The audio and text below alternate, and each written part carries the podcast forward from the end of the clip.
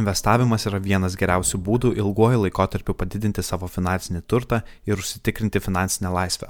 Tačiau vis dar nemažai gyventojų mano, kad tuo gali užsiimti tik profesionalai. Iš tiesų, norint pradėti investuoti, nebūtina turėti sukaupus didelių lėšų ar itin gerai išmanyti finansų rinkas.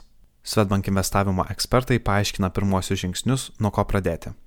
Prieš pradedant investuoti, pirmiausia reikia nuspręsti, koks bus pagrindinis investicijų tikslas. Nuo to priklauso įvairūs dalykai - kiek pinigų per mėnesį skirti investavimui, kaip paskirstyti lėšas tarp skirtingų turto klasių ir kokias rinkoje siūlomas priemonės pasirinkti. Pavyzdžiui, jei per 3-5 metus norite sukaupti pinigų pradiniam būsto įnašui ar naujam automobiliui, turėtumėte rinktis palyginti saugias investicijas, kurios išsiskiria nedideliais viravimais. Tačiau mažesnė rizika reiškia ir mažesnę gražą, o norint per palyginus trumpą laiką pasiekti norimą sumą, jums gali tekti per mėnesį investavimui atidėti didesnę lėšų sumą, sako Pavel Adzijato, Svetbank privačių klientų tarnybos vadovas. Pasak jo, kitas tikslas - sutaupyti savo vaikų savarankiško gyvenimo pradžiai. Šiuo atveju investavimo laikotarpis greičiausiai sieks dešimtmetį ar daugiau, todėl galima rinktis investuoti į didesnės rizikos priemonės, kurios turėtų užtikrinti didesnę investicinę gražą. Be to, vaikui sulaukus pilnametystės bus galima rinktis - parduoti investicijas ir pervesti jam konkrečią pinigų sumą ar perduoti dalį finansinio turto, kurį atžala galėtų auginti toliau. Kaupimui vaikų ateičiai pasitelkus kaupiamojo gyvybės draudimo paslaugą taip pat galima pasinaudoti gyventojų pajamų mokesčio lengvata. Dar vienas dažnas tikslas - sukaupti pinigų savo senatvei. Šiuo atveju investavimo laikotarpis yra ilgiausias, todėl pradžioje galima nebijoti rinktis rizikingas, tačiau potencialiai didesnę gražą per ilgą laikotarpį užtikrinančias priemonės. Tiesa, norint kaupti senatvai, gyventojams pirmiausia rekomenduojama pasinaudoti valstybės skatinamais būdais - kaupti antros ir trečios pakopos pensijų fonduose. Pirmojų atveju jie gaus paskatą iš valstybės, antruoju, kaip ir vaikų kaupimo atveju, galės pasinaudoti GPM lengvata. Pradėti investuoti nebus galima neturint vertybinių popierių sąskaitos.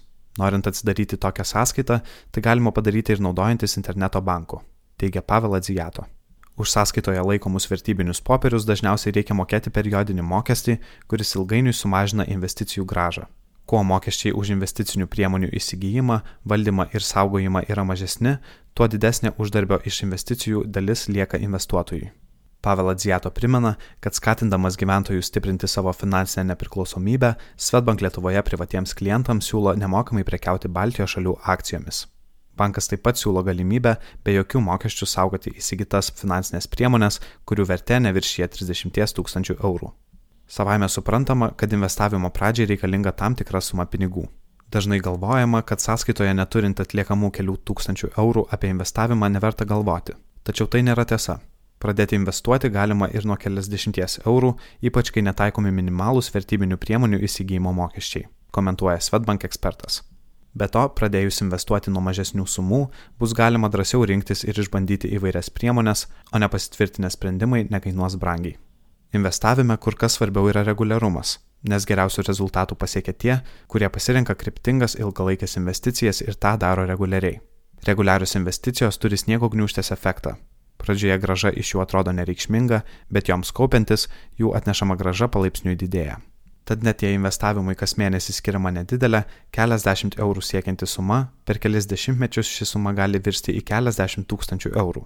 Pasak Pavel Adzijato, nusprendę investuoti, gyventojai gali rinktis iš gana plataus finansinių priemonių spektro.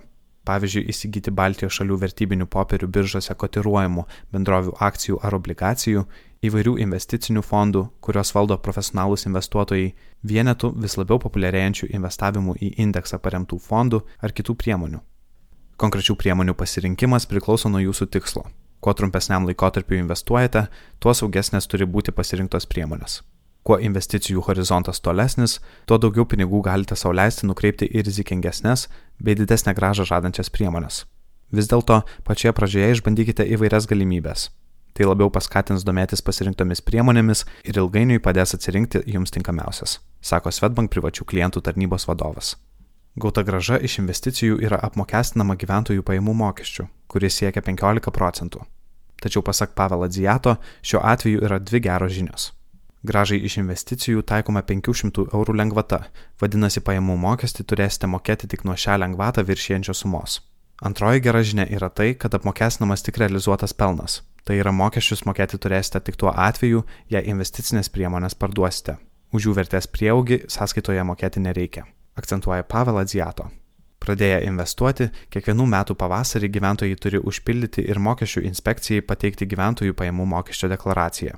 Gyventojų patogumui bankai paprastai pateikia susistemintą per jį įvykdytų sandorių ataskaitą, o internetu pildant mokesčių deklaraciją mokėtini mokesčiai apskaičiuojami automatiškai.